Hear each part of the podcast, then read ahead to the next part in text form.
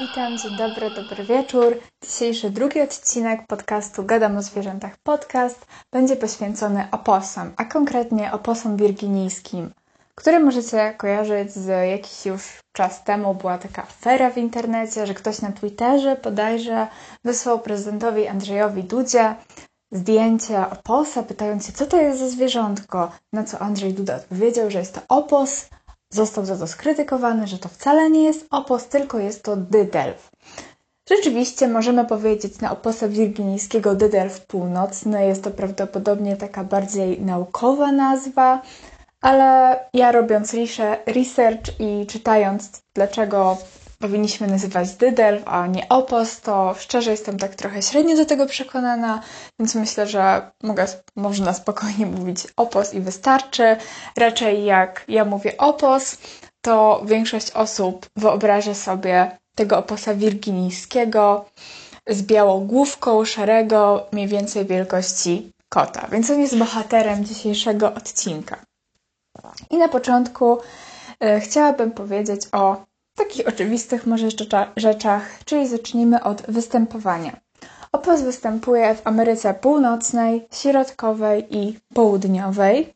Jest jedynym torbaczem występującym w Ameryce Północnej, a jego terytorium podobno zaczyna się też rozciągać na terytorium y, Kanady, dlatego że teraz ze względu na globalne ocieplenie zmienia się klimat, ociepla się, więc opos, który nie jest przystosowany do takich srogich zim, które bywają coraz rzadziej spotykane, też mniej więcej w Kanadzie, może po prostu rozszerzać swoje terytorium.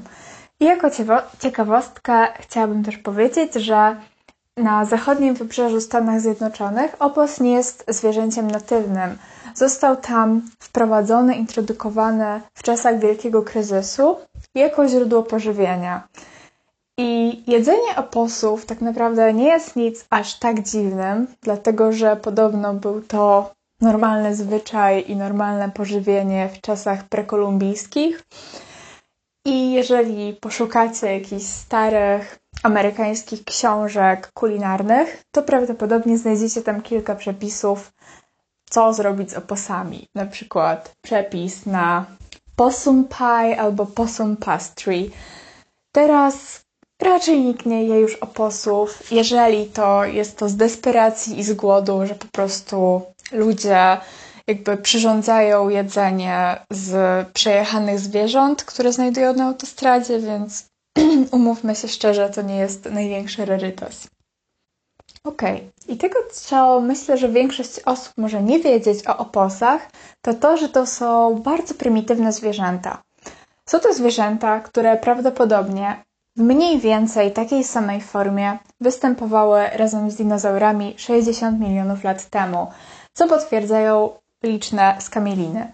Dlatego, że po tych skamielinach możemy ocenić, że w rzeczywistości oposy bardzo mało się zmieniły, więc super.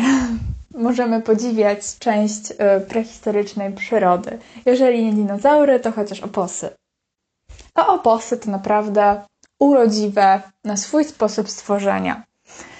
I rzeczywiście John Smith, podróżnik, kiedy w 1608 roku przyjechał pierwszy raz do Ameryki, do nowego kontynentu i zobaczył oposa, to opisał tego oposa jako zwierzę z pyskiem świni, z ogonem szczura i wielkości kota. No a do tego torba, czyli ma jeszcze jakąś dziwną torbę.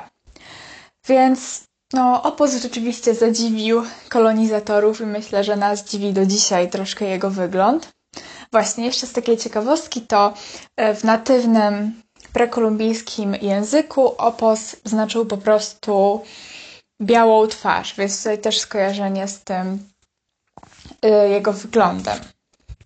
I jak wcześniej powiedziałam, oposy są to zwierzęta dość prymitywne, co znaczy też, że nie są za bardzo inteligentne bo na przykład, jako ciekawostkę mogę powiedzieć, że wielkość mózgu oposa odpowiada jednej piątej wielkości mózgu szopa pracza, także no nie jest to za mądre zwierzątko, ale za to podobno cechuje się bardzo dużą inteligencją, ja bym to nazwała inteligencją topograficzno-gastronomiczną i zaraz wyjaśnię dlaczego która jest podobno większa, nawet bardziej rozwinięta niż w przypadku niż w przypadku psów czy świni.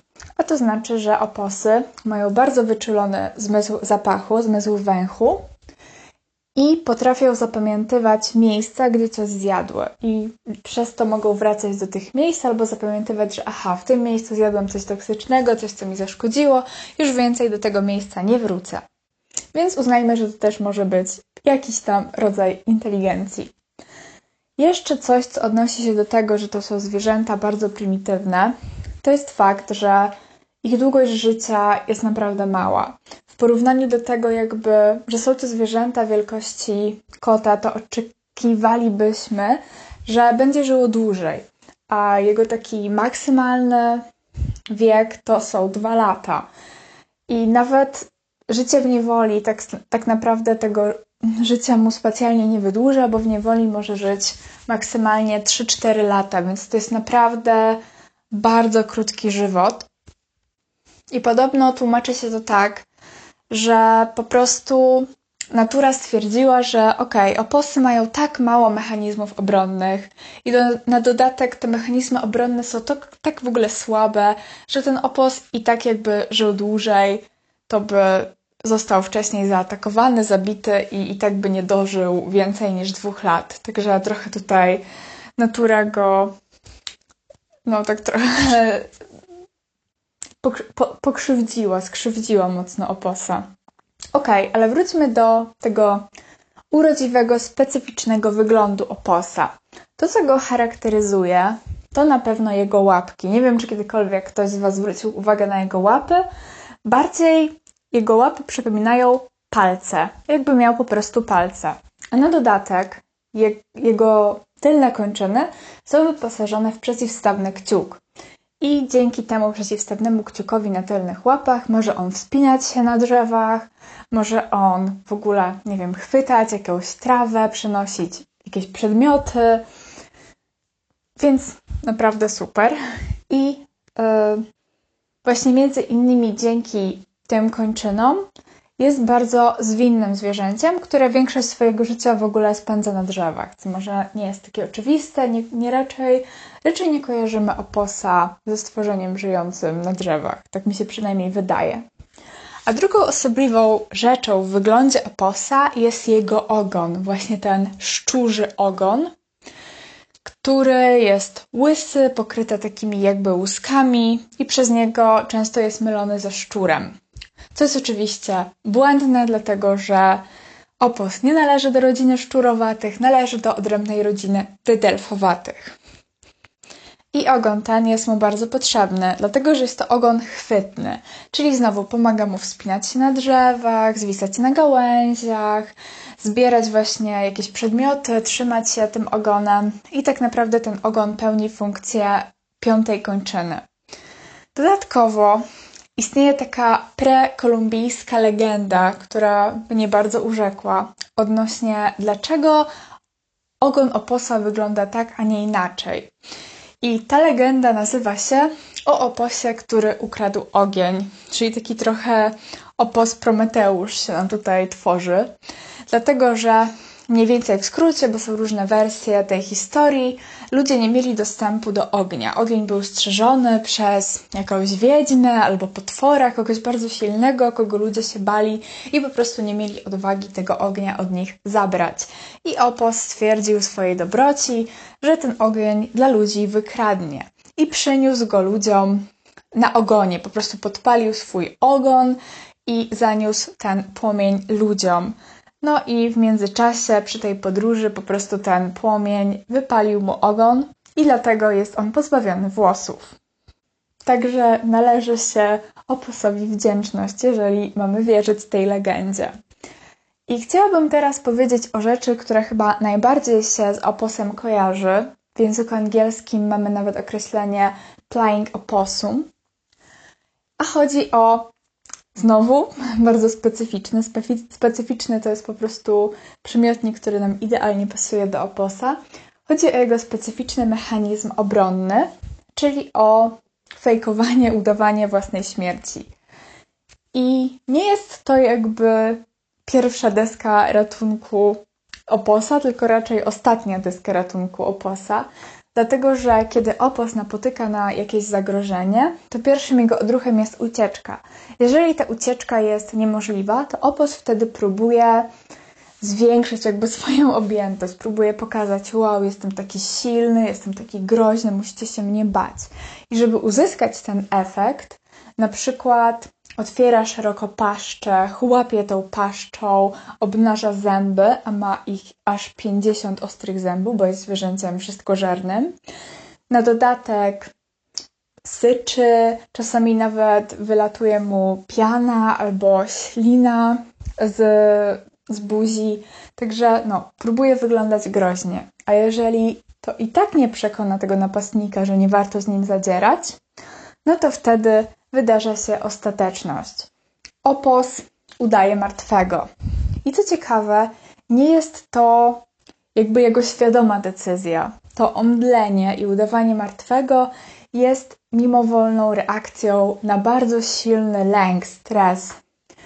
I cóż, możemy powiedzieć, że naprawdę Opos jest mistrzem w udawaniu własnej śmierci, dlatego że właśnie po prostu mdleje, dosłownie przewraca się na bok i tak leży na boku, z otwartymi oczami, z otwartą pyską, z otwartym pyskiem, z podkulonymi kończynami. Jeszcze z tego pyska wystaje po prostu y, język i czasami z tego pyska wylatuje jakaś piana właśnie, czy ślina.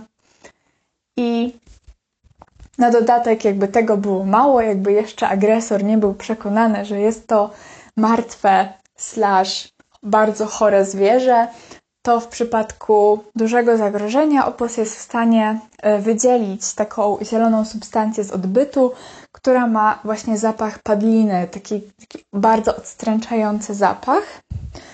I na dodatek jeszcze, to nie wszystko, e, opos potrafi zmniejszyć bicie swojego serca o połowę, i też zmniejszyć oddychanie. To znaczy, że jego oddech staje się bardzo płytki i bardzo powolny i właściwie jest ledwo wykrywalny. No i w tym momencie najczęściej agresor stwierdzi, że no nie warto, jest to chore zwierzę, jest to już nadpsute, rozkładające się zwierzę, a większość agresorów potencjalnych i drapieżników, które polują na oposy, nie żywi się padliną, tylko żywym mięsem, no to po prostu odchodzą i opos jest bezpieczny. I taki stan tego omdlenia, udawania własnej śmierci może trwać od kilku minut do nawet kilku godzin. A potem opos wstaje i idzie załatwiać swoje sprawy, jakby nigdy nic. Ale niestety mechanizm ten nie sprawdza się przy spotkaniu z człowiekiem. Dlatego, że Oposy są wszystkożerne, to znaczy, że jedzą też między innymi padlinę. A gdzie najczęściej jest padlina? No na jezdni, bo często jakieś inne zwierzęta są po prostu rozjeżdżane przez samochody. A że oposy mają bardzo wyczulony właśnie zmysł węchu, no to po prostu kuszą je te zapachy padliny, które są na jezdni, wychodzą często właśnie na jezdnię albo kręcą się w jej pobliżu i kiedy widzą niebezpieczeństwo, czytaj zbliżający się samochód, to po prostu najczęściej stają jak wryte, nie uciekają, są przerażone, a jak są przerażone, to co się dzieje? Mdleją. Więc akurat w starciu z samochodem, no samochód się raczej nie zatrzyma, nie przestraszy się oposa, nie ominie go i niestety często one kończą pod kołami samochodów. A do tego dochodzi fakt, że są to zwierzęta nocne, które mają bardzo dobry wzrok i po prostu światła reflektorów samochodowych takie oślepiają i dezorientują, że już w ogóle opos nie ma pojęcia co robić i nie jest po prostu zdolny jakoś stwierdzić, że ucieczka jest w tym miejscu najlepszym wyborem. Ok, i powiedzieliśmy sobie przed chwilą, że oposy są oposy są zdolne wytwarzać obrzydliwy zapach padliny, więc Najpewniej opos kojarzy nam się z jakimś nieprzyjemnym zapachem. Poza tym oposy jedzą śmieci, jedzą wszystko, co się nawinie, a zgodnie z przysłowiem jesteś tym, co jesz, to oposy powinny być chodzącym śmietnikiem. A okazuje się, że bardzo dbają o swoją higienę. Ponadto pracownicy Departamentu Ochrony Ryb i Dzikich Zwierząt w stanie Waszyngton zauważyli, że oposy tak naprawdę prowadzą taką samą higienę osobistą jak koty, to znaczy wylizują swoją sierść.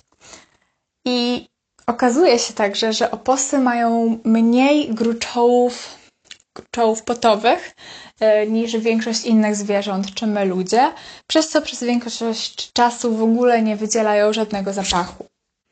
Ok, i chciałabym jeszcze powiedzieć o rozmnażaniu, bo to też jest, myślę, dość ciekawa sprawa. To znaczy, że jak już powiedzieliśmy, opos bardzo krótko żyje. Żyje dwa lata, ale za to wykorzystuje te dwa lata do maksimum. To znaczy, że samica w ciągu jednego roku może aż zejść, zajść trzy razy w ciążę, a w jednym miocie może urodzić się do 20 młodych. I jako, że opos jest torbaczem, to młode oposy rodzą się bardzo szybko, w bardzo wczesnym takim stadium rozwoju, kiedy są ślepe, różowe i wielkości pszczoły miodnej, przyczołgują się i wchodzą do torby matki, gdzie przesysają się do jednego z jej sutków i tam po prostu zostają, aż będą wystarczająco dojrzałe, żeby z tej torby wyjść, bo już na przykład nie będą mogły się tam wszystkie pomieścić. I to jest ciekawe właśnie, że tak jak inne torbacze, w tej torbie po prostu przysysają się do tego sutka i cały czas ten pokarm y, pobierają. I powiedziałam przed chwilą, że w miocie może być do 20 młodych, ale uwaga, niestety samica ma tylko 13 sutków, więc ten, który nie zdąży dotrzeć do sutka i nie znajdzie żadnego wolnego dla siebie miejsca, to niestety umiera. Więc niestety oposy stawiają na ilość potomstwa, a nie na jego jakość. I zapewne możecie też kojarzyć takie śliczne obrazki, filmiki, na których mama opos na swoim grzbiecie ma swoje młode i tak z nimi przyczepionymi na plecach sobie chodzi. I to wygląda słodko, ale niestety często jest tak, że któryś z tych oposów się zagubi, odpadnie, spadnie, no nie wiadomo. I często ta matka opos nie wraca po swoje młode. Jakby w ogóle nie zauważa, że, że to młode spadło. Więc niestety nie jest za dobrą mamą i raczej stawia na to, że żeby jakiekolwiek młode przeżyło, a nie przejmuje się każdym z nim z osobna.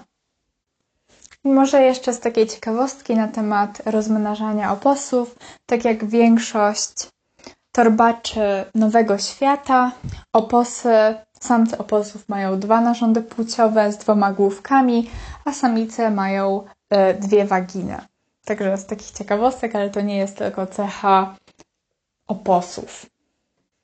Ok, i teraz chciałabym jeszcze powiedzieć, dlaczego oposy są takie super. Nie tylko są ciekawe i interesujące same w sobie, nie tylko jakoś urzekają mnie i może niektórych z Was wyglądem, ale też są bardzo przydatne dla człowieka. To znaczy, że uwaga, oposy jedzą kleszcze. Tak, w czasie jednego okresu jeden osobnik oposa może zjeść nawet do 5000 kleszczy, dzięki czemu znacznie jakby osłabiają, spowalniają rozprzestrzenianie się boreliozy i innych chorób przenoszonych przez kleszcze, czy też inne jakieś owady. I dlaczego w ogóle oposy są badas? Bo oposy są badas, nie wiem czy wiecie, dlatego że jedzą węże. No ale powiecie sobie, ale jak tu jedzą węże? Przecież wąż może je ukąsić. Otóż dla oposa to nic strasznego, dlatego że są odporne na jad węża. Podobno nie są odporne tylko na jad węży korelowych, ale na większość jakby nie reagują jakoś na większości jadu węży.